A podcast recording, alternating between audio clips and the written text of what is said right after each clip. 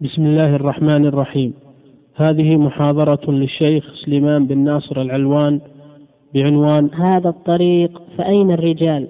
والتي تم بثها للمراكز الإسلامية في بريطانيا بتاريخ 16 9 1422 هجرية. السلام عليكم. عليكم السلام ورحمة الله وبركاته.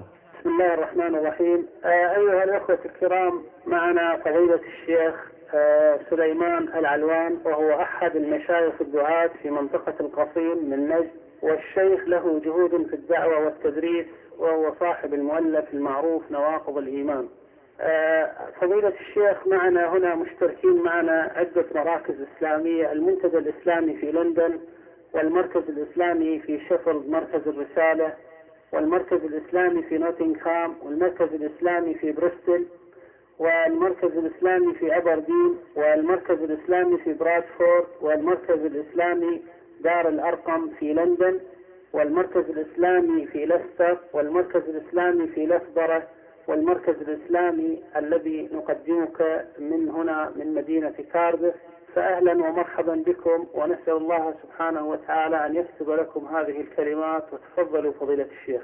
حياكم الله وبارك الله فيكم. إن الحمد لله نحمده ونستعينه ونستغفره ونعوذ بالله من شرور أنفسنا ومن سيئات أعمالنا. من يهده الله فلا مضل له ومن يضلل فلا هادي له. وأشهد أن لا إله إلا الله وحده لا شريك له وأشهد أن محمدا عبده ورسوله. يا أيها الذين آمنوا اتقوا الله حق تقاته ولا تموتن إلا وأنتم مسلمون. يا أيها الناس اتقوا ربكم الذي خلقكم من نفس واحدة وخلق منها زوجها وبث منهما رجالا كثيرا ونساء واتقوا الله الذي تساءلون به والأرحام إن الله كان عليكم رقيبا. يا أيها الذين آمنوا اتقوا الله وقولوا قولا سديدا. يصلح لكم أعمالكم ويغفر لكم ذنوبكم ومن يطع الله ورسوله فقد فاز فوزا عظيما. أما بعد فإن قضية الموالاة والمعاداة في الشريعة الإسلامية وإن شئت فقل الولا والبراء. قد أصبحت من القضايا المهملة في حساب كثير من المنتسبين إلى الإسلام في عصرنا الحاضر. شحا في الدنيا وطمعا بالعرض الثاني أو ظنا منهم أن تلك القضية ليست من القضايا أو ليست من قضايا العقيدة والعبادة.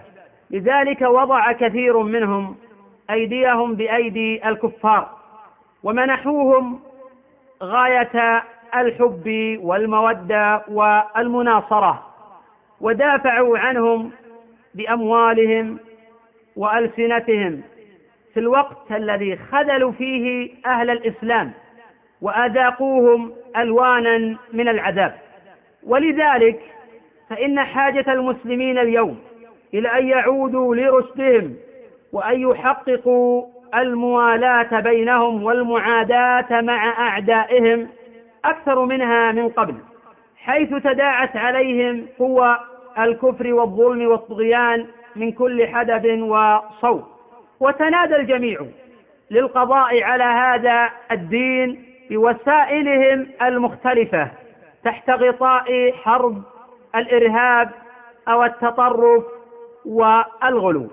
ولن يقف في وجه هذا التحالف الصليبي المتواطئ مع المرتدين والمنافقين ورعاع البشر من سفهاء المسلمين سوى تلاحم المسلمين واتحادهم وتناصرهم على ما جاء في محكم التنزيل. إن الله يحب الذين يقاتلون في سبيله صفا كأنهم بنيان مرصوص. وقال تعالى إنما المؤمنون إخوة. وجاء في الصحيحين وغيرهما من طريق زكريا عن الشعبي عن النعمان بن بشير أن النبي صلى الله عليه وسلم قال مثل المؤمنين في توادهم وتراحمهم وتعاطفهم مثل الجسد الواحد. إذا اشتكى منه عضو تداعى له سائر الجسد بالسهر والحمى. وفي رواية عند مسلم في صحيحه المسلمون كرجل واحد. المسلمون كرجل واحد. إن اشتكى عينه اشتكى كله. وإن اشتكى رأسه اشتكى كله. وروى البخاري ومسلم من طريق الزهري عن سالم بن عبد الله بن عمر بن الخطاب رضي الله عنهما عن أبيه أن النبي صلى الله عليه وسلم قال المؤمن للمؤمن كالبنيان يشد بعضه بعضا. وحيث إن هذا الموضوع كبير القدر عظيم الأمر ويحتاج إلى دروس كثيرة ومحاضرات متعددة وواقع المسلمين ملح ببيان هذا الأمر وتجليته والصدع به في دنيا الواقع. وفي نفس الوقت يتعذر الحديث عن كل مسائل هذا الباب فإنني في هذه الجلسة وهذا اللقاء القصير أشير إلى أصول مهمة في هذا الباب وكلمات ضرورة المعرفة. فإن هذا الباب متعلق بالتوحيد وهو من أهم أبوابه. وقد قال بعض العلماء ليس في كتاب الله تعالى حكم فيه من الأدلة أكثر ولا أبين من هذا الحكم بعد وجوب التوحيد وتحريم ضده. وقد خلق الله الخلق وأنزل الكتب وأرسل الرسل لعبادته وتوحيده. قال تعالى وما خلقت الجن والإنس إلا ليعبدون قال ابن عباس وطائفة من المفسرين إلا ليوحدون وقال جماعة إلا لآمرهم وأنهاهم وأعظم الأوامر هو الأمر بالتوحيد وأعظم النواهي هو النهي عن الشرك. ولهذا كان أول أمر في القرآن على حسب ترتيب السور هو الأمر بالتوحيد يا أيها الناس اعبدوا ربكم. وأول نهي في القرآن على حسب ترتيب السور في المصحف المعروف هو النهي عن الشرك. فلا تجعلوا لله أندادا وأنتم تعلمون. وقال سبحانه وما أرسلنا من قبلك من رسول إلا نوحي إليه أنه لا إله إلا أنا فاعبدون. وقد بعث نبينا محمد صلى الله عليه وسلم إلى أمة كانت تعيش في جاهلية وضلالة عمياء. الشرك دينها والأوثان أربابها وسادتها فجاءهم بالتوحيد الخالص ونهاهم عن الشرك بأنواعه وأجناسه. قال الإمام أحمد رحمه الله تعالى حدثنا أبو النضر قال حدثنا شيبان النحوي عن أشعث ابن أبي الشعث قال حدثني شيخ من بني مالك ابن كنانة قال رأيت رسول الله صلى الله عليه وسلم بسوق ذي المجاز يتخللها. يقول أيها الناس قولوا لا إله إلا الله تفلحوا. وهذا سنده صحيح. وهذه الكلمة هي التي قامت بها الأرض والسماوات وفطر الله عليها جميع المخلوقات. وعليها أسست الملة ونصبت القبلة وجردت سيوف الجهاد. وهي محض حق الله على جميع العباد وهي الكلمة العاصمة للدم والمال والذرية في هذه الدار والمنجية من عذاب القبر وعذاب النار وهي كلمة الإسلام ومفتاح دار السلام وبها انقسم الناس إلى شقي وسعيد ومقبول وطريد وبها انفصلت دار الكفر عن دار الإسلام وتميزت دار النعيم من دار الشقاء والهوان. وقد لقي النبي صلى الله عليه وسلم في سبيل دعوة الناس إلى التوحيد ونبذ الشرك أذى كثيرا فصبر وصابر حتى أتم الله نوره ونصر عبده وهزم عدوه ودخل الناس في دين الله أفواجا. فقد جاء في مسند الإمام أحمد بسند صحيح من طريق حماد بن سلمة عن ثابت البناني عن أنس بن مالك رضي الله عنه أن النبي صلى الله عليه وسلم قال لقد أوذيت في الله وما يؤذى أحد وأخفت في الله وما يخاف أحد ولقد أتت علي ثلاث ما بين يوم وليلة وما لي ولعيال طعام إلا ما يواري إبطاء بلال. وحين عرف الصحابة رضي الله عنهم الجاهلية ثم عرفوا الإسلام. خرجوا نتيجة للتربية القرآنية والعناية النبوية وهم أعظم جيل عرفه التاريخ وكان الواحد منهم. إذا دخل في الإسلام خلع على خلع على عتبته كل ماضيه في الجاهلية وانتقل من عالم مظلم وتصور قاصر ومفاهيم كليلة وعبودية للشجر والحجر والعبيد إلى حياة الرحبة فسيحة إلى عبودية الله والانقياد لأمره ونهيه. إن سر النجاح وسر تلك العظمة هو نقطة البدء التي بدأ بها رسول الله صلى الله عليه وسلم وهي كلمة لا إله إلا الله محمد رسول الله. هذه الكلمة التي مزقت كل رابطة وأهدرت كل وشيجة إلا وشيجة العقيدة رابطة الحب في الله رابطة المؤاخاة الإيمانية التي يتهاوى يتهاوى دونها كل لون أو لغة أو عرف أو تراب أو إقليم أو حرفة أو جنس. إن رابطة الإسلام تغنينا عن جميع الروابط الجاهلية. قال تعالى يا أيها الناس إنا خلقناكم من ذكر وأنثى وجعلناكم شعوبا وقبائل لتعارفوا. إن أكرمكم عند الله أتقاكم. إن الله عليم خبير. فمن أجل ذلك جعل الرسول صلى الله عليه وسلم الأخوة في الله هي الأساس والرابطة التي جمع عليها أفئدة أصحابه حيث إن العقيدة الإسلامية التي جاء بها من عند الله تضع الناس كلهم في مقام العبودية لله دون أي اعتبار لفارق اللون أو الوطن أو النسب أو غير ذلك من الفوارق القائمة في المجتمعات الجاهلية. وقد جاء في سنن أبي داود من طريق ابن وهب عن هشام بن سعد عن سعيد بن أبي سعيد المقبري عن أبيه عن أبي هريرة رضي الله عنه.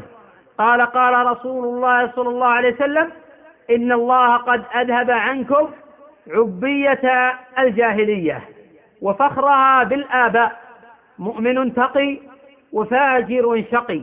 أنتم بنو آدم وآدم من تراب. ليدعن رجال فخرهم بأقوام. إنما هم فحم من فحم جهنم أو لا يكونن أهون على الله من الجعلان التي تدفع بأنفها النتن أي الرائحة الكريهة وعبية أي العصبية. وقد جاء في مسند الإمام أحمد من طريق إسماعيل حدثنا سعيد الجريري عن أبي نضرة حدثني من سمع خطبة النبي صلى الله عليه وسلم في وسط أيام التشريق فقال أيها الناس ألا إن ربكم واحد وإن أباكم واحد؟ ألا لا فضل لعربي على أعجمي ولا لعجمي على عربي ولا لأحمر على أسود ولا أسود على أحمر إلا بالتقوى. أبلغت قالوا بلغ رسول الله صلى الله عليه وسلم وإسناده جيد والذي قبله يتقوى به.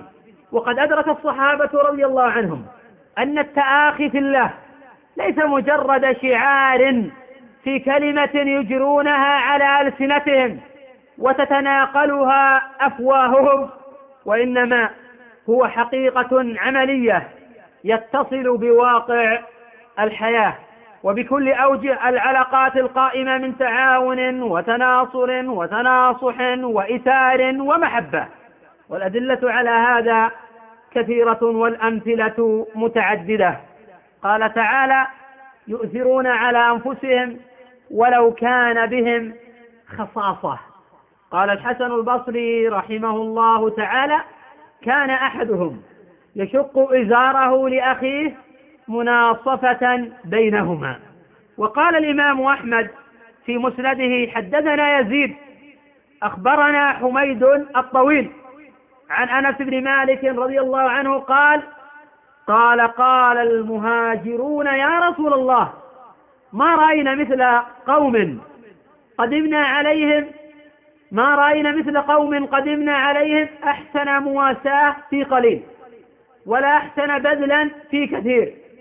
لقد كفونا المؤنة وأشركونا في المهنة. لقد كفونا المهنة وأشركونا في المهنة. حتى لقد خشينا أن يذهبوا بالأجر كله. قال لا ما أثنيتم عليهم ودعوتم الله عز وجل لهم. ورواته ثقات. وإن من, وإن من لوازم الإيمان بالله الحب في الله. والحب في الله يورث الموالاة والمناصرة. وهذا فرض على كل مسلم. فالمسلم أخو المسلم. لا يظلمه ولا يخذله ولا يسلمه. ويجب عليه القيام بحقه وحفظه بحضرته وغيبته. وقد قال البراء بن عازب رضي الله عنه أمرنا رسول الله صلى الله عليه وسلم بسبع ونهانا عن سبع. أمرنا بعيادة المريض واتباع الجنازة وتشميت العاطس وإبرار القسم أو المقسم ونصرة المظلوم وإجابة الداعي وإفشاء السلام. وهذا الحديث متفق على صحته. وهذه الأمور من اسباب تحقيق الموالاة في الله وتقوية أواصر المحبة بين المسلمين. فالبدار البدار في تطبيقها في واقع الحياة. ومن جميل كلام شيخ الإسلام ابن تيمية رحمه الله تعالى أنه قال والمؤمن عليه أن يعادي في الله ويوالي في الله فإن كان هناك مؤمن فعليه أن يواليه وإن ظلمه. فإن الظلم لا يقطع الموالاة الإيمانية. قال تعالى وإن طائفتان من المؤمنين اقتتلوا فأصلحوا بينهما فإن بغت إحداهما على الأخرى فقاتلوا التي تبغي حتى تفيء إلى أمر الله. فإن فاءت فأصلحوا بينهما بالعدل وأقسطوا. إن الله يحب المقسطين. وقال تعالى إنما المؤمنون إخوة. فجعلهم إخوة مع وجود القتال والبغي وأمر بالإصلاح بينهم. وليعلم أن المؤمن تجب موالاته. وليعلم أن المؤمن تجب موالاته وإن ظلمك واعتدى عليك. والكافر تجب معاداته وإن أعطاك وأحسن إليك. فإن الله سبحانه بعث الرسل وأنزل الكتب ليكون الدين كله لله فيكون الحب لأوليائه والبغض لأعدائه والإكرام لأوليائه والإهانة لأعدائه والثواب لأوليائه والعقاب لأعدائه. وإذا اجتمع في الرجل وإذا اجتمع في الرجل الواحد خير وشر وفجور وطاعة وسنة وبدعة استحق من الموالاة والثواب بقدر ما فيه من الخير واستحق من المعاداة والعقاب بحسب ما فيه من الشر. فيجتمع في الشخص الواحد موجبات الإكرام والإهانة فيجتمع له من هذا وهذا. كاللص الفقير تقطع يده لسرقته ويعطى من بيت المال ما يكفيه لحاجته. هذا هو الأصل الذي اتفق عليه أهل السنة والجماعة وخالفهم الخوارج والمعتزلة ومن وافقهم عليه. فلم يجعلوا الناس إلا مستحقا للثواب فقط. وإلا مستحقا للعقاب فقط. وأهل السنة يقولون إن الله يعذب بالنار من أهل الكبائر من يعذبه ثم يخرجهم منها بشفاعة من يأذن له في الشفاعة. بفضل رحمته كما استفاضت بذلك السنة عن النبي صلى الله عليه وسلم. ويمكن تقسيم الناس في باب الحب والبغض والولاء والبراء إلى ثلاثة أقسام. الأول من يحب جملة وهو من آمن بالله ورسله وقام بوظائف الإسلام ومبانيه العظام علما وعملا وأخلص أعماله لله تعالى وانقاد لأوامره وانتهى عما نهى الله عنه. ونهى عنه رسوله صلى الله عليه وسلم.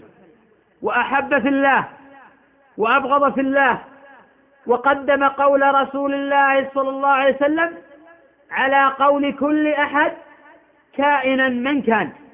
وأولى الناس بذلك بعد الرسل والأنبياء صحابة الرسول صلى الله عليه وسلم من المهاجرين والأنصار والذين اتبعوهم بإحسان.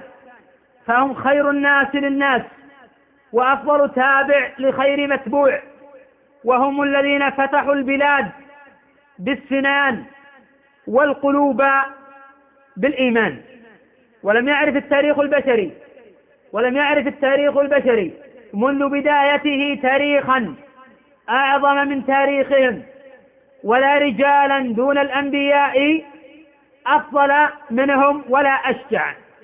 وحين ظن غيرهم بالنفس والمال واستثقلوا مفارقة الأهل والولدان استرخصوها في إقامة الدين وتمكين الأمم والشعوب من العيش في أمن ورغد تحت حكم الإسلام. فلا كان ولا يكون مثلهم.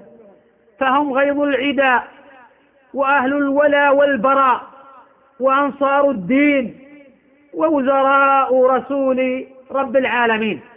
وإن من الأمور الضرورية والأصول المقررة في الإسلام حبهم واعتقاد فضيلتهم وصدقهم والترحم على صغيرهم وكبيرهم وأولهم وآخرهم وصيانة أعراضهم وحرماتهم ومناصرتهم من ألسنة المجرمين. وأقلام الحاقدين. ويلي هؤلاء بالولاء والنصرة والمحبة أهل العلم من أهل السنة العاملون بعلمهم المتقون لربهم. وهؤلاء ورثة الأنبياء وأئمة الدين والطائفة المنصورة والفرقة الناجية. وليس معنى هذا عصمتهم أو تقليدهم مطلقا كلا فهم بشر يخطئون ويصيبون ولكن يجب إحسان الظن بهم والتماس الأعذار لهم. دون إهدار للنصوص وتقديم قول الواحد منهم عليها لشبهة أنه أعلم بها منك. ومن عرض أقوال العلماء على النصوص ووزنها بها وخالف ما خالف النص. فإنه لم يهدر أقوالهم ولم يهضم جانبهم. بل اقتدى بهم فإنهم كلهم أمروا بذلك. ومن جميل الشعر في هذا الباب وقول أعلام الهدى لا يعمل بقولنا بدون نص يقبل. فيه دليل الأخذ بالحديث وذاك في القديم والحديث. قال أبو حنيفة الإمام لا ينبغي لمن له إسلام أخذ بأقوال حتى تعرض على الحديث والكتاب المرتضى. ومالك إمام دار الهجرة قال وقد أشار نحو الحجرة كل كلام منه ذو قبول ومنه مردود سوى الرسول. والشافعي قال إن رأيتم قولي مخالفا لما رويتم. من الحديث فاضربوا الجدار بقولي المخالف الأخبار. وأحمد قال لهم لا تكتبوا. ما قلته بل أصل ذلك اطلبوا. فاسمع مقالات الهداة الأربعة واعمل بها فإن فيها منفعة لقمعها لكل ذي تعصب والمنصفون يكتفون بالنبي صلى الله عليه وسلم. الثاني من يحب من وجه ويبغض من وجه. وهذا المسلم الذي خلط عملا صالحا وآخر سيئا. فهذا يحب ويوالى على ما معه من الإيمان ويبغض ويعادى على قدر معصيته أو بدعته.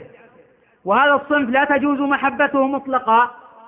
ولا معاداته وبغضه مطلقا وكثير من الناس يخلط بين هذا وبين مجالسة أهل البدع والفسق والدعاة إلى ذلك ومخالطتهم دون الإنكار عليهم. قال الإمام أحمد رحمه الله تعالى يجب هجر من كفر أو فسق ببدعة أو دعا إلى بدعة مضلة أو مفسقة. على من عجز عن الرد عليه أو خاف الاغترار به والتأدي وقيل يجب هجره مطلقا.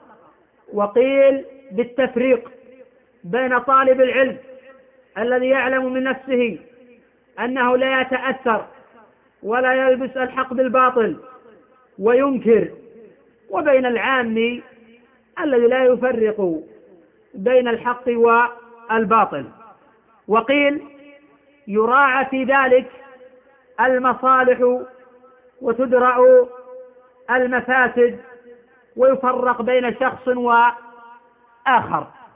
الثالث من يبغض جملة ويعادى مطلقا وهو الكافر الأصلي أو المرتد بعد ثبوت البينة الشرعية والأدلة اليقينية على المدعى عليه كأن يكفر بالله وملائكته وكتبه ورسله واليوم الآخر أو يثبت عليه دعاء غير الله أو الذبح والنذر لغير الله أو يترك الصلاة بالكلية وذلك في أصح قولي العلماء وهو إجماع من الصحابة. أو يسب الله ورسوله صلى الله عليه وسلم تبا صريحا أو يلقي المصحف في القاذورات أعاذنا الله وإياكم من ذلك. أو يجحد أسماء الله وصفاته أو يستهزئ بالدين استهزاء صريحا. قال تعالى قل أب الله وآياته ورسوله كنتم تستهزئون لا تعتذروا قد كفرتم بعد إيمانكم. أو يحكم بالأنظمة الكفرية أو يفرضها على الناس أو يدعي علم الغيب أو يتعاطى السحر فهؤلاء كلهم محادون لله ورسوله صلى الله عليه وسلم. فتجب البراءة منهم. قال تعالى لا تجد قوما يؤمنون بالله واليوم الآخر يوادون من حاد الله ورسوله ولو كانوا آباءهم أو أبناءهم أو إخوانهم أو عشيرتهم. أولئك كتب في قلوبهم الإيمان وأيدهم بروح منه ويدخلهم جنات تجري من تحتها الأنهار خالدين فيها رضي الله عنهم ورضوا عنه. أولئك حزب الله ألا إن حزب الله هم المفلحون. وليس من موالاة الكفار التعامل معهم في البيع والشراء والاقتراض.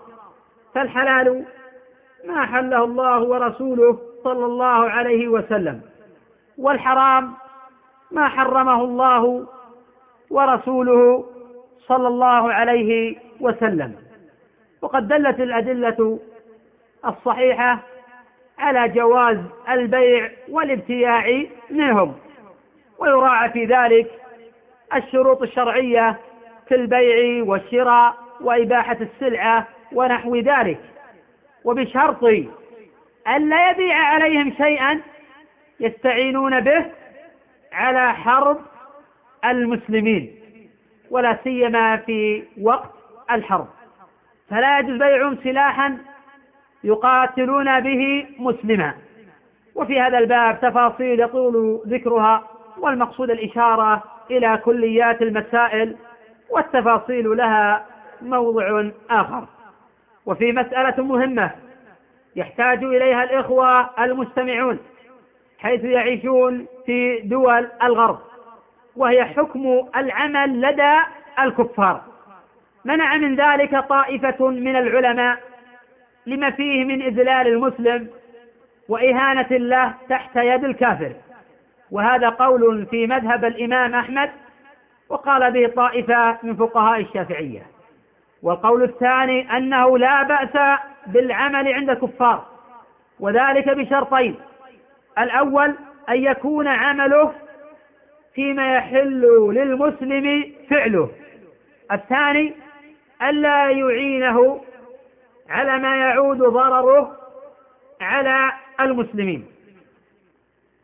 وهذا هو الصواب. غير أن الأفضل أن يستقل المسلم بنفسه أو يعمل عند مسلم ويدع العمل عند الكفرة. ومثل ذلك مشاركتهم في التجارة ومضاربتهم. وقد سئل الإمام أحمد رحمه الله عن الرجل يشارك اليهود والنصراني. قال يشاركهم. أي لا مانع من ذلك.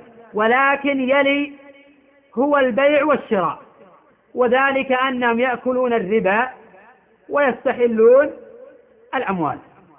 وإذا وثق من صاحبه أنه لا يتعامل بالربا في هذه التجارة المشتركة فلا حرج من مشاركته. كما تقدم أيضا أنه لا حرج من العمل عنده بالشرطين السابقين. وهذا الكلام يدفعنا إلى الحديث عن حكم إقامة المسلم في ديار الغرب والكفر. وهذا الحكم يختلف من شخص إلى آخر. ويختلف باختلاف النيات والمقاصد. فالذي يسافر إلى ديار الكفر بقصد الدعوة إلى الله وتعلم ما هو وسيلة إلى مرضاة الله وخذلان أعدائه فهذا مشروع وأدلة هذا كثيرة. وقد سافر النبي صلى الله عليه وسلم إلى الطائف وكانت ديار كفر وشرك وذلك بغرض دعوتهم. والحديث في الصحيحين من حديث عائشة. وكان النبي صلى الله عليه وسلم يبعث بالرسل والعلماء والمصلحين إلى بلاد الكفار لدعوتهم. وهذا أمر متواتر لا يكابر فيه أحد. وقد اشترط العلماء العلماء في هؤلاء الذين يذهبون ديار الكفار للدعوة أو تعلم ما في مصلحة للإسلام والمسلمين أن يكونوا عارفين لدينهم بأدلته الشرعية متمسكين بعقيدتهم مأمونا عليهم في ظاهر حالهم من الوقوع في الفتنة. وأن يكون القصد من السفر هو إظهار دين الله والدعوة إليه. هذا القسم الأول من أقسام الإقامة في ديار الكفار. القسم الثاني من كانت إقامته في بلاد الكفار بقصد التجارة أو العلاج فهذا مباح بشرط أن يكون عارفا للواجب معرفته في التعامل مع الكفار وما يجوز من ذلك وما وما يمتنع.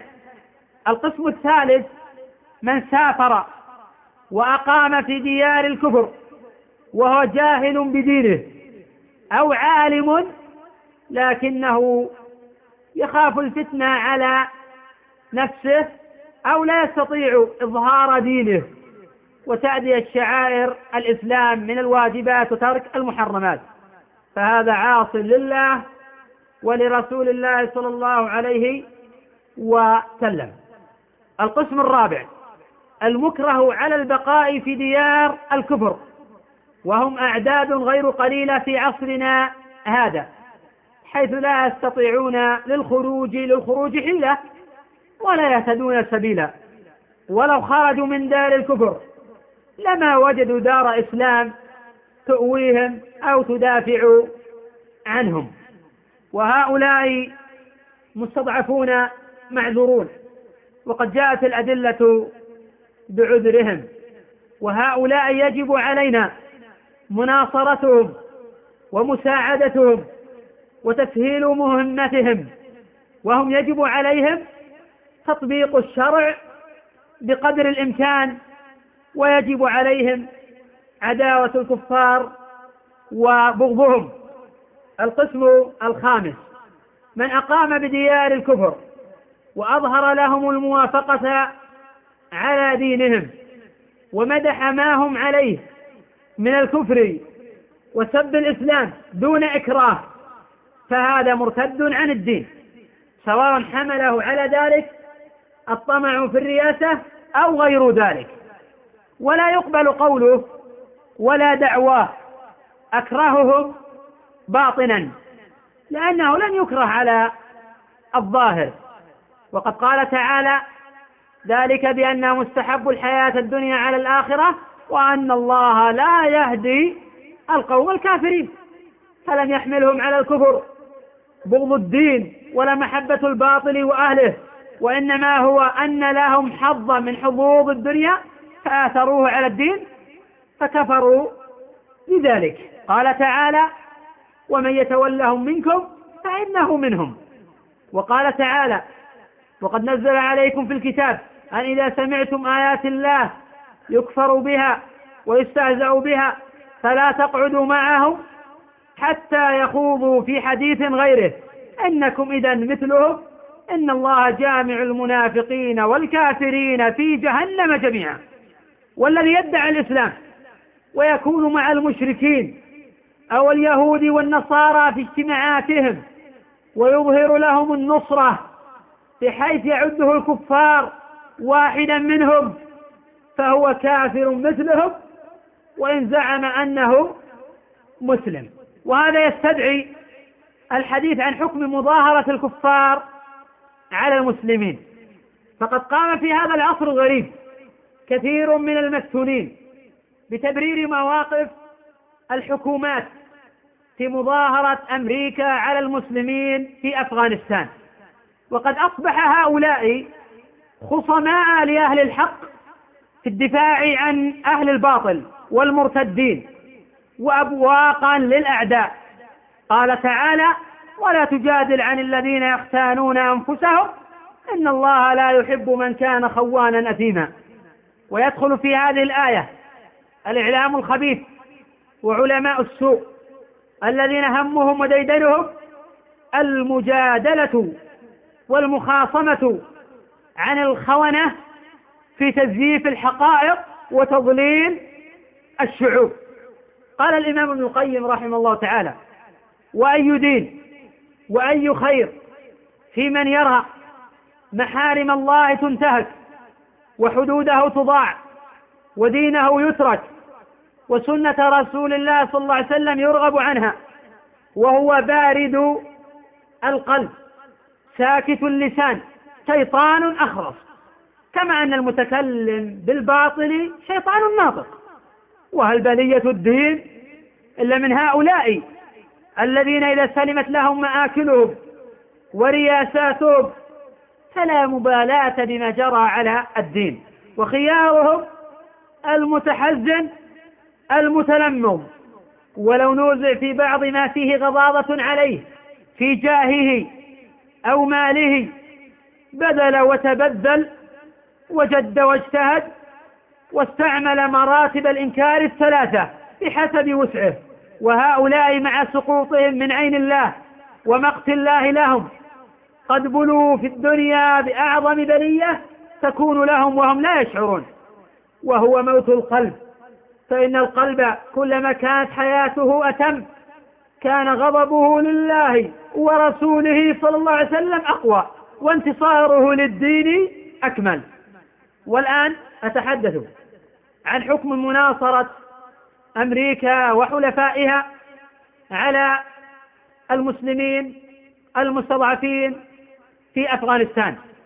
ونحن نعلم أن الرئيس الأمريكي أعلنها حربا صليبية والحرب القائمة الآن توحي بذلك ولو لم ينطق بما تكنه نفسه. قال تعالى ولا يزالون يقاتلونكم حتى يردوكم عن دينكم إن استطاعوا. وقال تعالى كيف وإن يظهروا عليكم لا يرقبوا فيكم إلا ولا ذمة. يرضونكم بأفواههم وتأبى قلوبهم وأكثرهم فاسقون. قال الإمام ابن جرير الطبري رحمه الله من تولى الكفار ونصرهم على المؤمنين فهو من أهل دينهم وملتهم فإنه لا يتولى متول أحدا إلا وهو به وبدينه وما هو عليه راض وإذا رضيه ورضي دينه فقد عاد ما خالفه وسخطه وصار حكمه حكمه.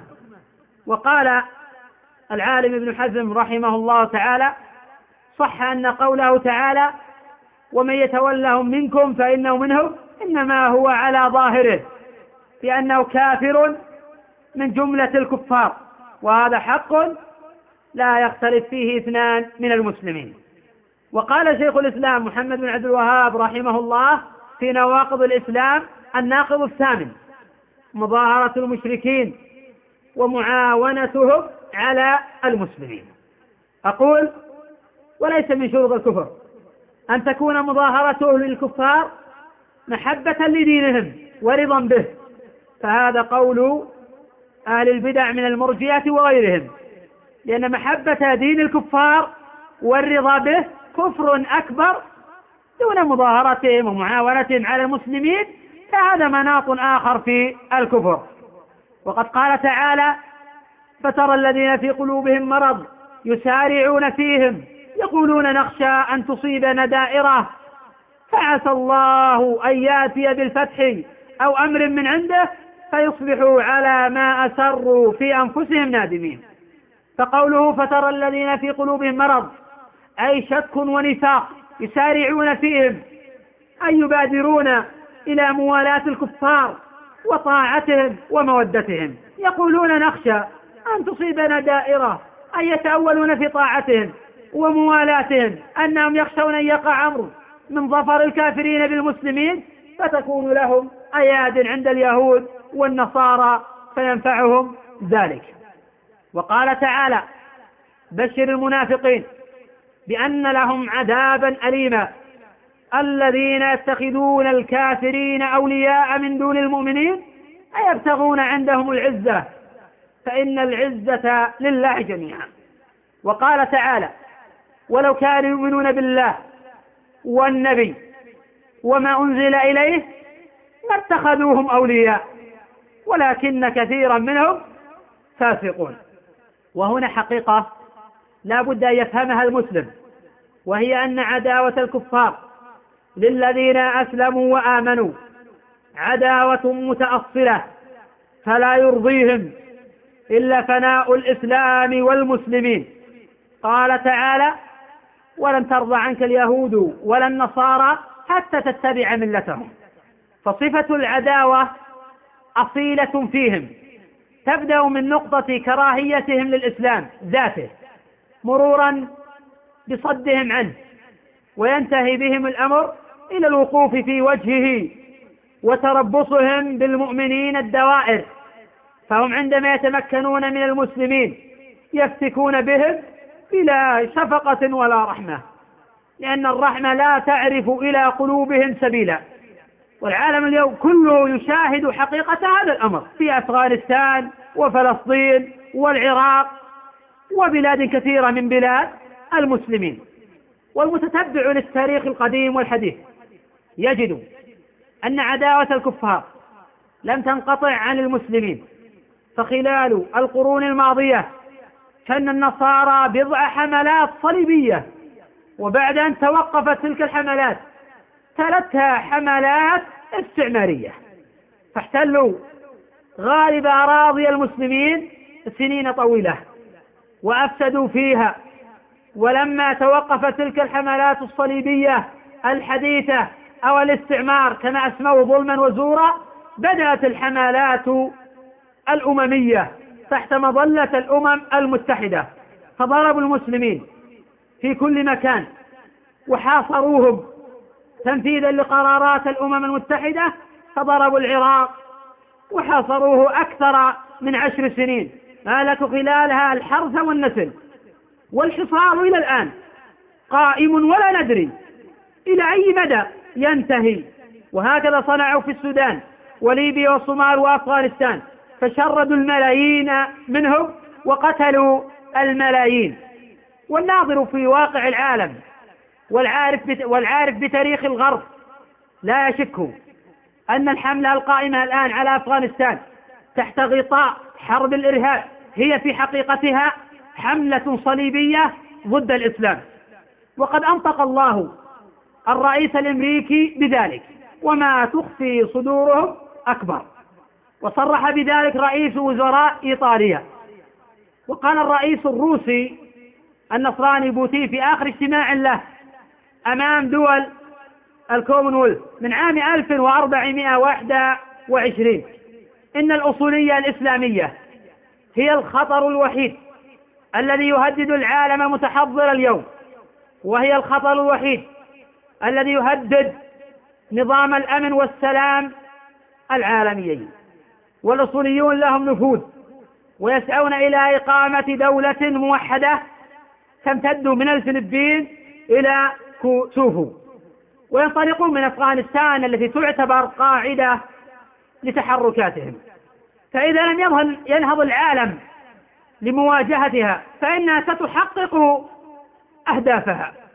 وروسيا تحتاج إلى دعم عالمي لمكافحة الأصولية في شمال القوقاز هذا كلامه. ونحن معاشر المسلمين نعد هؤلاء الكفرة بإذن الله تعالى بالخزي والبوار والانهيار العسكري والاقتصادي. فالله ناصر دينه وكتابه وأولياءه. والوعد من الله بأنه ينصر دينه ورسوله وحزبه المؤمنين ويخزي الكافرين وعد محقق لا محالة. والأوضاع القائمة على الشرك والكفر والتشريع الجاهلي واغتصاب الديار وانتهاك الأعراض والحجر على الأفكار الشريفة لن تدوم. مهما تمهدت سبلها وقويت شوكتها وطال مكتها في الأرض.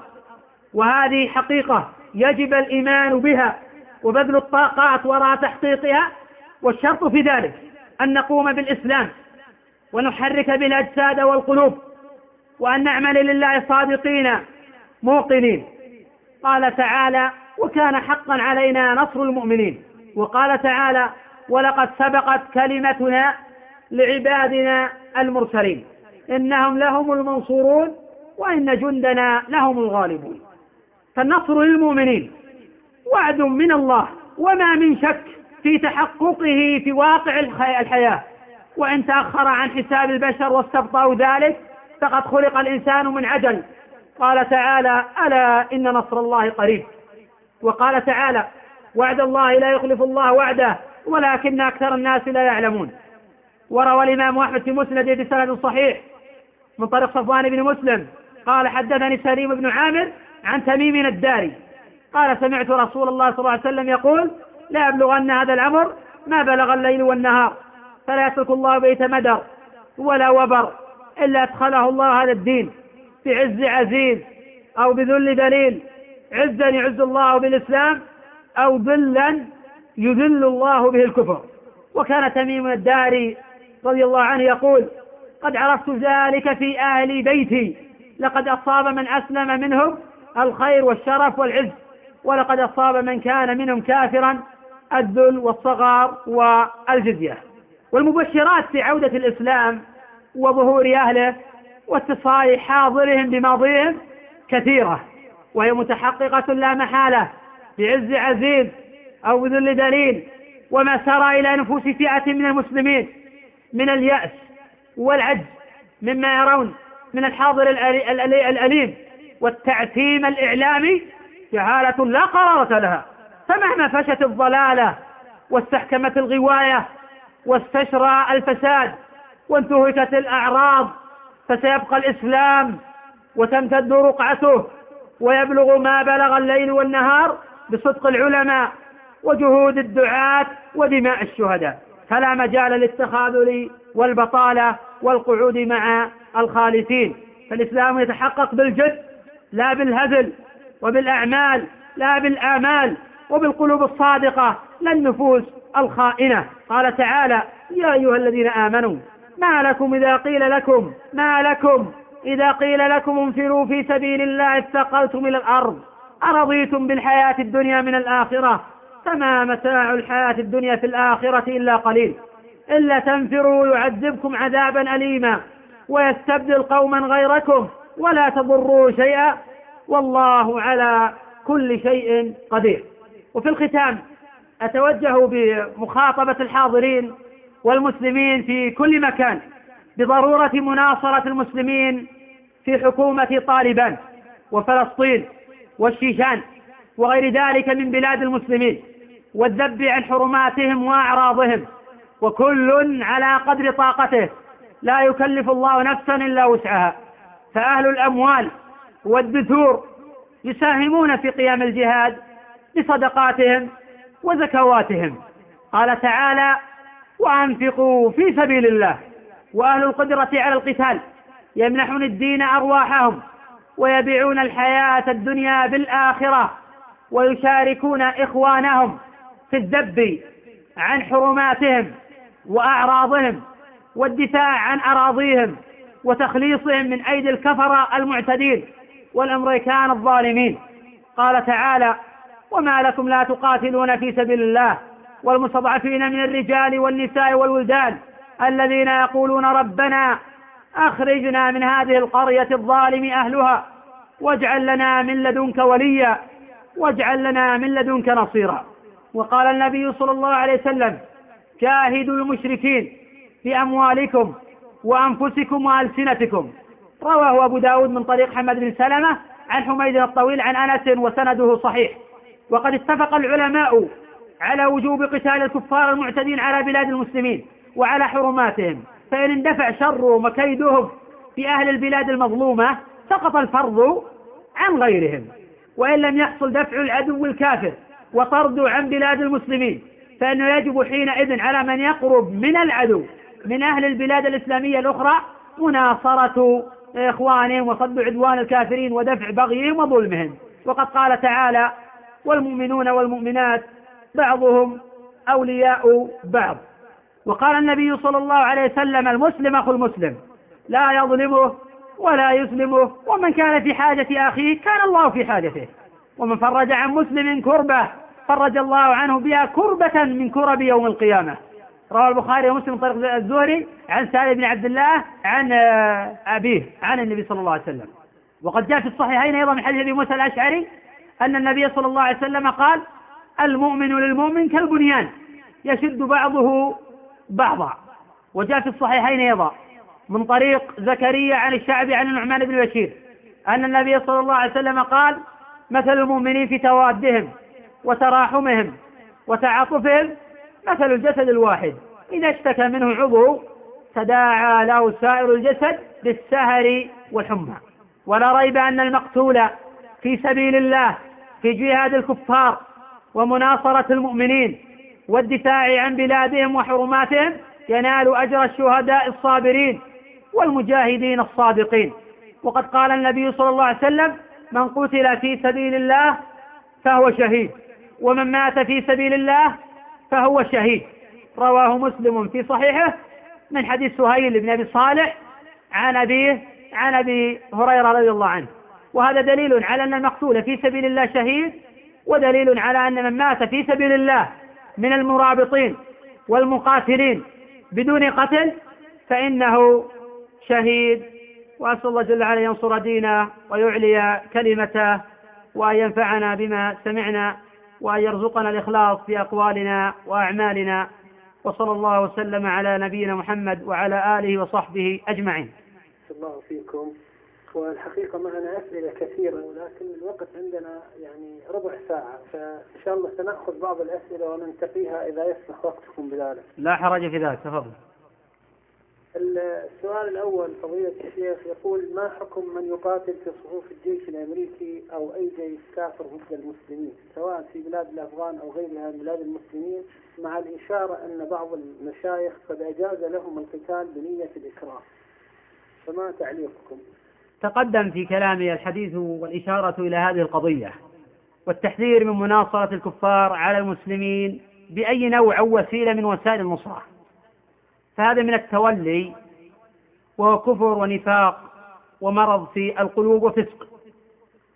وتقدم أنه ليس من شروط الكفر أن تكون مظاهرته للكفار محبة لدينهم ورضا به. هذا مذهب ضعيف. يعني محبة دين الكفار والرضا بكفر أكبر دون مظاهرة على المسلمين. فهذا مناط آخر في الكفر ولو ادعى المظاهر محبة الدين وبغض الكافرين. فإن كثيرا من الكفار لم يتركوا الحق بغضا له ولا كراهية للدين وإنما لهم طمع دنيوي ورغبة في الرياسات فأثر ذلك على الدين. قال تعالى ذلك بأنه مستحب الحياة الدنيا على الآخرة وأن الله لا يهدي القوم الكافرين. وقال تعالى ومن يتولهم منكم فإنه منهم. وذلك لأنهم دخلوا في طاعتهم ونصروهم وأعانوهم بالمال والرأي على المسلمين. ومن ذلك مشاركة الجنود المسلمين أو المحسوبين على المسلمين الموظفين في الحكومة الأمريكية في قتال الأفغان المجاهدين في سبيل الله. فهذا من أكبر الذنوب وأعظمها منافاة لأصل الإيمان. وتجويز هذا العمل بدليل الإكراه غير صحيح. فإن للإكراه ضوابط وشروطا وهي غير متوفرة في هذه الصورة. فإن هؤلاء العسكريين يسعون لمصالحهم وتثبيت مناصبهم وكسب الأموال في سبيل قتل الأبرياء من المسلمين وهدم ديارهم وهذا لا يجيز عقل. وقد يهددون بالقتل وهذا غير مسوغ للمشاركة. لأنه لا يجوز شرعا أن تبقي نفسك في سبيل هلاك الآخرين وقتل المظلومين. فليست دماؤهم بأرخص من دمائكم ولا دماؤكم بأغلى من دمائهم. قال تعالى ولا تقتلوا النفس التي حرم الله إلا بالحق. وقال تعالى ومن يقتل مؤمنا متعمدا فجزاؤه جهنم خالدا فيها وغضب الله عليه ولعنه وأعد له عذابا عظيما. هذا تعليقي على هذه القضية في مسألة مهمة أخرى وهي ما تتعلق بالتحالف الشمالي وحكم هذا التحالف.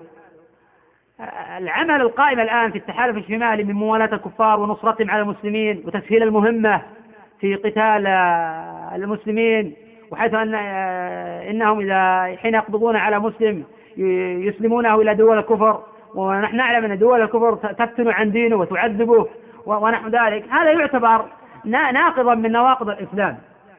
لكن لا نستطيع الحكم على أعيان هؤلاء إلا بعد إقامة الحجة وإزالة الشبهة لأن لهؤلاء شبهة تختلف عن غيرهم. وهؤلاء مراتب منهم الشيوعي كدستم وطبقة كثيرة في التحالف الشمالي وإن شئت فقول التحالف الصليبي. فهؤلاء يعرف معروف حكمهم ولا إشكال فيه. النوع الثاني في, في من المنافقين ومن أعداء الدين. فهؤلاء كفرة فجرة. القسم الثالث فيهم بعض الجهال. وبعض من له سابقة في آه، قتال المسلمين ضد آه، السفيه. فهؤلاء حكم عليهم بعض آه، اخواننا من العلماء بالردة. وبعض طلبة العلم لا يرى هذا لأن لهم شبهة. وهي أنهم يقاتلون بزعمهم ولا لا نقرهم على هذا كلام باطل. أنهم يقاتلون بغاة خرجوا عليهم في الجملة. فهم يستنصرون بالكفرة ضد بغاة. بدافع أن هناك مذهبا أن هناك مذهبا فقهيا في هذه المسألة. هذه كلها أشياء لا حقيقة لها في الحقيقة. لأنهم لم يستنصروا بالكفار من قبل وإنما الكافر فرض عليهم أن يجاهدوا معه ضد المسلمين. وهذا هو الواقع الذي نعرفه من واقع هؤلاء. غير أن هذه الشبهة قد تجعلني تجعلني أحكم عن تكفير أعيانهم. ولا سيما أن مذهب أهل العلم أنهم يحكمون على النوع دون العين. حتى تقوم الحجة التي من خالف كان كافرا تارة أو فاسقا أخرى. فأنا أقسم هذا التحالف إلى ثلاثة أقسام. قسم آه، من الأصل هو كافر وقسم من المنافقين والمرتدين. ومن عباد القبور والأوثان ونحو ذلك وقسم له شبهة. قد نتوقف عن تكفير أعيانهم. لكن في الجملة نقول أن هذا العمل القائم عمل كفري. ونحكم على هؤلاء بأنهم كفار. لكن حين نتحدث عن أعيانهم لا نسمي أحدا بأن هذا كافر دون الآخر إلا بعد إقامة الحجة عليه وإزالة الشبهة. وهذا مجرد اجتهاد مني والله أعلم. طيب فضيلة الشيخ يقول سائل الأخبار الواردة هذا اليوم أن مؤتمر بون قرر رفض رفض برهان الدين الرباني وعدم قبوله رئيسا لأفغانستان. فأود أن أقول فضيلة الشيخ أليس في هذا درس أن من تعاون مع الكفار فإن ذله في الدنيا قبل الآخرة؟ ما تعليقكم؟ هذا صحيح. فإن من استعان بكافر أو تقوى به على مسلم أو ركن إليه أو لجأ إليه فإن الله جل وعلا يخذله. في الدنيا ويخزيه في الآخرة. وقد جرت سنة الله جل وعلا في ذلك. وقد يتأخر هذا عن حساب البشر. ولكن يأتي فيما بعد أن الكافر يستعين به في هذه الفترة ثم بعد ذلك يقلب عليها المجن ويقتله أو يسجنه أو يهينه. لأن الله جل وعلا قال ولن ترضى عنك اليهود ولا النصارى حتى تتبع ملتهم فالكفرة الآن يستعينون بهذا التحالف الشمالي في قتال طالبان باعتبار معرفتهم للتضاريس الجغرافية في أفغانستان. ثم فيما بعد لا يمكنونهم بل قد يقتلونهم ويهينونهم وقد بدت الآن بوادر ذلك. فهم يقدمون شخصا ويؤخرون الآخر على قدر ولائه للغرب يقدمونه وعلى قدر تعقله أو إنصافه في بعض القضايا فإنهم يعادونه وينبذونه وقد يستعينون به في مهمة ثم بعد ذلك آه، يلفظونه. وهذا هو آه، الواقع. وقد تقدم في حديث تميم بن أوس الداري شاهد على ذلك حين قال تميم بن أوس رضي الله عنه قد عرفت ذلك في أهل بيتي. لقد أصاب من أسلم منهم الخير والشرف والعز ولقد أصاب من كان منهم كافرا الذل والصغار والجزية. والله أعلم. آه، فضيلة الشيخ الأسئلة الحقيقة كثيرة لكنني سأختار منها في الوقت الواقع. يقول السائل صرح سياف لقناة الجزيرة مؤخرا وذكر أن التحالف مع أمريكا لم يقم به التحالف. وإنما هو عدم ثقة. طالبان بالسياسة جعل أمريكا تتدخل. فهل هذا التقويم صحيح؟ هذا غير صحيح. ولا أساس لهذا من الصحة. وهذا تبرير للموقف المخزي الذي ظهر به سياف مع رباني ومجموعة كثيرة ممن تخلف عن نصرة إخوانهم المسلمين. وإن كان يختلفون معهم في بعض المسائل كان الأولى بهم مناصرة إخوانهم وترك الخلاف إلى ما بعد ذلك. يعني تقدم أن أمريكا وحلفائها أعلنوها حربا صليبية ضد الإسلام والمسلمين. حقيقة أن أمريكا قد أعدت عدتها وأخذت أهبتها في قتال طالبان قبل أحداث الحادي عشر من سبتمبر. وهذا قد قرأته بنفسي في بعض التقارير الصادرة من الصحف الغربية ولكن جاءت هذه مواتية لذلك. السبب أن حكومة طالبان على قدر طاقتها تمثلت فيها حقيقة الإسلام من تطبيق شرع الله تطبيق مبدأ الأخوة من إيواء المؤمنين في العالم كله وعدم الدخول في نظام هيئة الأمم وعداوة الكفار وآخر الأحداث تحطيم الأصنام. ثم أتى التحالف الصليبي الآن تحت غطاء مسمى حرب الإرهاب حرب الغلو حرب التطرف لقتال المسلمين. وهذا مما لا ينبغي ينطلي على المسلم. بل على يدرك حجم القضية وأن المعركة بيننا وبينهم هي حرب صليبية. ولكن نذكر أمريكا وحلفاء بأن الشعوب المستضعفة لن تبقى كذلك بل إن التفنن في إهانتها واستذلالها وفرض سيطرتها وقوتها والحصار القائم على بلاد كثيرة متعددة بلاد المسلمين هو الذي سوف يحييها بإذن الله تعالى. كما قال الشاعر وإذا الذئاب استنعجت لك مرة فحذاري منها أن تعود ذئابا. حقيقة أن هذه النقطة تحتاج إلى تعليق أطول ولكن أختصر لضيق الوقت. حرب أمريكا لطالبان حرب صليبية وحرب عدة للإسلام والمسلمين. ولكن أمريكا تستغل هؤلاء في التعميم التعمية الإعلامية وفي قلب الحقائق وفي غير ذلك من مما هو معروف. نعم. فضيلة الشيخ السائل يقول هل من نصيحة إلى جريدة الشرق الأوسط التي تتعرض في كتاباتها لأعراض وزوجات العربي الموجودين هناك؟ آه، وأن موالاة هذه الجريدة آه، لأعداء الله والدين صار يعرفه القاضي والداني.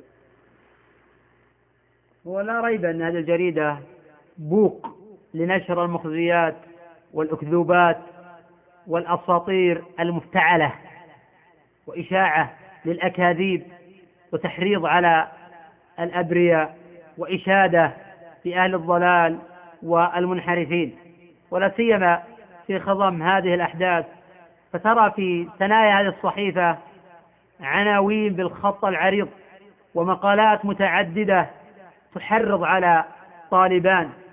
ولسان حال الاستبشار بما ينالها وبما يصيبها الآن بدعوى أنهم أعراب لا يفهمون أو أنهم متغطرسون أو أنهم إرهابيون أو أنهم يشكلون خطر على البلاد المتحضرة وبدوافع كثيرة. لكن في الجملة هذه الجريدة فيها من النت الشيء الكثير وفيها من العداء الصريح وغيره على المتمسكين بدينهم ما لا يخفى على عاقل قرأ شيئا من هذه الصحيفة. فهي حمالة الحطب. ولهذا أقول لا يجوز بيعها ولا ابتياعها ولا اقتناؤها إلا لطالب علم يتصفحها ويقرأها لكشف ما فيها ما فيها. وبيان ذلك للناس من أجل الحذر ومن أجل الرد على هذه الأكاذيب وعلى هذه الأسطورات الأسطورات. ولزعزعة الثقة في نقولها ومعلوماتها الإخبارية والله أعلم. نعم. طيب فضيلة الشيخ السؤال يقول السلام عليكم ورحمة الله وبركاته لقد دعت رئيس الأمريكي في الأسبوع الماضي شعبه بالدعاء إلى القوات الأمريكية التي تحارب المسلمين في أفغانستان بينما لوثب أن أئمة المساجد في هذه البلاد ومعظم البلاد الإسلامية أصبحوا يتجنبون الدعاء للمسلمين في أفغانستان وفلسطين والشيشان وكشمير خوفا من أمريكا فهل من نصيحة؟ تقدم أن المسلم يجب عليه مناصرة إخوانه المسلمين. ويجب عليه تطبيق مبدأ الأخوة الإيمانية بمناصرتهم بأموالهم وأنفسهم وألسنتهم بالدعاء والقنوت في الصلوات المكتوبات والذب عن أعراض إخوانهم المجاهدين بالكتابات الجريئة في وجه أهل الباطل والنفاق وبذل الجهد بقدر الوسع. في نصرة المظلومين في أفغانستان والشيشان وفلسطين والعراق الذي يعاني شعبه الجوع والأمراض منذ أكثر من عشرة أعوام. وقد قال تعالى وإن استنصروكم في الدين فعليكم النصر. ولا أقل من الدعاء ومن القنوت لهم في الصلوات. والقنوت يشرع في كل الصلوات الخمس. قد جاء في سنن أبي داود من حديث ابن عباس أن النبي صلى الله عليه وسلم قالت في الظهر والعصر والمغرب والعشاء والفجر. وفي سنده اختلاف ولكن ثبت صحيح وغيره أن النبي صلى الله عليه وسلم قالت في المغرب والفجر وثبت أيضا أنه قالت في الظهر وثبت القنوت في العشاء. فيشرع للمسلمين في العالم كله أن يقنتوا في صلواتهم وأن يلحوا على الله جل وعلا بالدعاء للإسلام والمسلمين وخذلان أعداء الإسلام والمسلمين من أمريكا وغيرها. إلا من يخاف على نفسه فهذا قد يكون معذورا. ولكن لا يعذر أن يدع الدعاء فيما بينه وبين الله جل وعلا أو في موطن لا يخاف من أحد من البشر. وقد ذكر لنا الأخوة المجاهدون هناك بأنهم يرون أثر دعاء المؤمنين لهم في قتالهم وجهادهم فإن الدعاء هو سلاح المؤمن. وفي نفس الوقت هذا يدل على كذب أمريكا في دعواها الديمقراطية. فهي من قبل تنادي الشعوب الإسلامية والعربية بالديمقراطية وهي لا تحققها في واقعها. تنادي من قبل بالديمقراطية على لا تقرها لا يقرون على هذا ولكن يريدون عزل المسلمين عن دينهم. وقد كشفت هذه الأحداث كذب دعاوى أمريكا في كثير من مزاعمها في دقتها من المعلومات وفي الديمقراطية والحرية وغير ذلك. فهم الآن يمنعون القنوات الفضائية والإذاعات في ذكر الأخبار الصحيحة في واقع طالبان وأنهم قد حصدوا مجموعات كبيرة وأنهكوا بالأمريكان قتلى ويحاصرون البلاد الأخرى التي تدعم المسلمين في أفغانستان ويمنعونهم من الدعاء ويحاصرونهم في الأقوال حتى الكلمة يمنعون من الصدع بها وقولها. العالم الذي له قدره وسمعته ومكانته في العالم الإسلامي لا يعذر بترك التبليغ. هذا حق وهذا أمر أوجبه الله أو عليه. لأن العلماء هم ورثة الأنبياء. والأنبياء لم يورثوا دينارا ولا درهما وإنما ورثوا هذا العلم. وقد كان أئمة السلف يصدعون بالحق في المجامع والمساجد والمنتديات وغيرها. وقد جاء في سنن الدارمي بسند صحيح من طريق الأوزاعي. قال حدثني أبو كثير. قال حدثني أبي قال أتيت أبا ذر وهو جالس عند الجمرة الوسطى. وقد اجتمع الناس يستفتون فأتى رجل فوقف عليه ثم قال ألم تنهى عن الفتية؟ فرفع رأسه إليه فقال أرقيب أنت علي؟ لو وضعتم الصمصامة على هذه وأشار إلى قفاه ثم ظننت أني أنفذ كلمة سمعتها من رسول الله صلى الله عليه وسلم قبل أن تجيز علي لأنفذتها. وعلق البخاري في صحيح بصيغة الجزم. ولم يكن أحد من أئمة السلف يجد أدنى حرج من الأمر بالمعروف والنهي عن المنكر. والفتوى بما يعلم أنه الحق وما كانوا يقبعون في بيوتهم. ينتظرون الإذن الرسمي في قول كلمة الحق والإنكار على أهل آه، الباطل. وبالجملة فينبغي للإخوة المسلمين في جميع الدول في العالم كله أن يقنطوا ويلح على الله جل وعلا بالدعاء في نصر إخوانهم ومن خاف على نفسه فيعذر في ذلك ما لم يكن عالما له قدره ومكانته فهذا يجب عليه يظهر دينه ويناصر إخوانه ولا سيما في خضم كثير ممن يلبس على الناس دينهم وأصبح بوقا لأعداء الدين وكأن مفتي في الكونجرس أو موظف في الاستخبارات الأمريكية. نسأل الله السلامة والعافية. نعم. آه، فضيلة الشيخ آه، جزاكم الله خير. والحقيقة الأسئلة كثيرة لكن لضيق الوقت المخصص من قبل شركة التليفون. فباسم الأخوة والأخوات الحضور الذين اجتمعوا في هذه المراكز العشرة في بريطانيا آه، نشكركم شكرا كثيرا وندعو الله أن نلتقي معكم في لقاء آخر. جزاكم الله خير. السلام عليكم ورحمة الله وبركاته. جزاكم الله خيرا وأنتم كذلك. الله جل وعلا يحفظكم ويبارك فيكم ويجعل اجتماعكم اجتماعا مرحوما. وتفرقكم تفرقا معصوما وأن لا يجعل فيكم لا شقيا ولا محروما. صلى الله جل وعلا يؤلف بين قلوبكم ويرزقكم الهدى والتقى والعفاف والغنى. وعليكم السلام ورحمة الله وبركاته.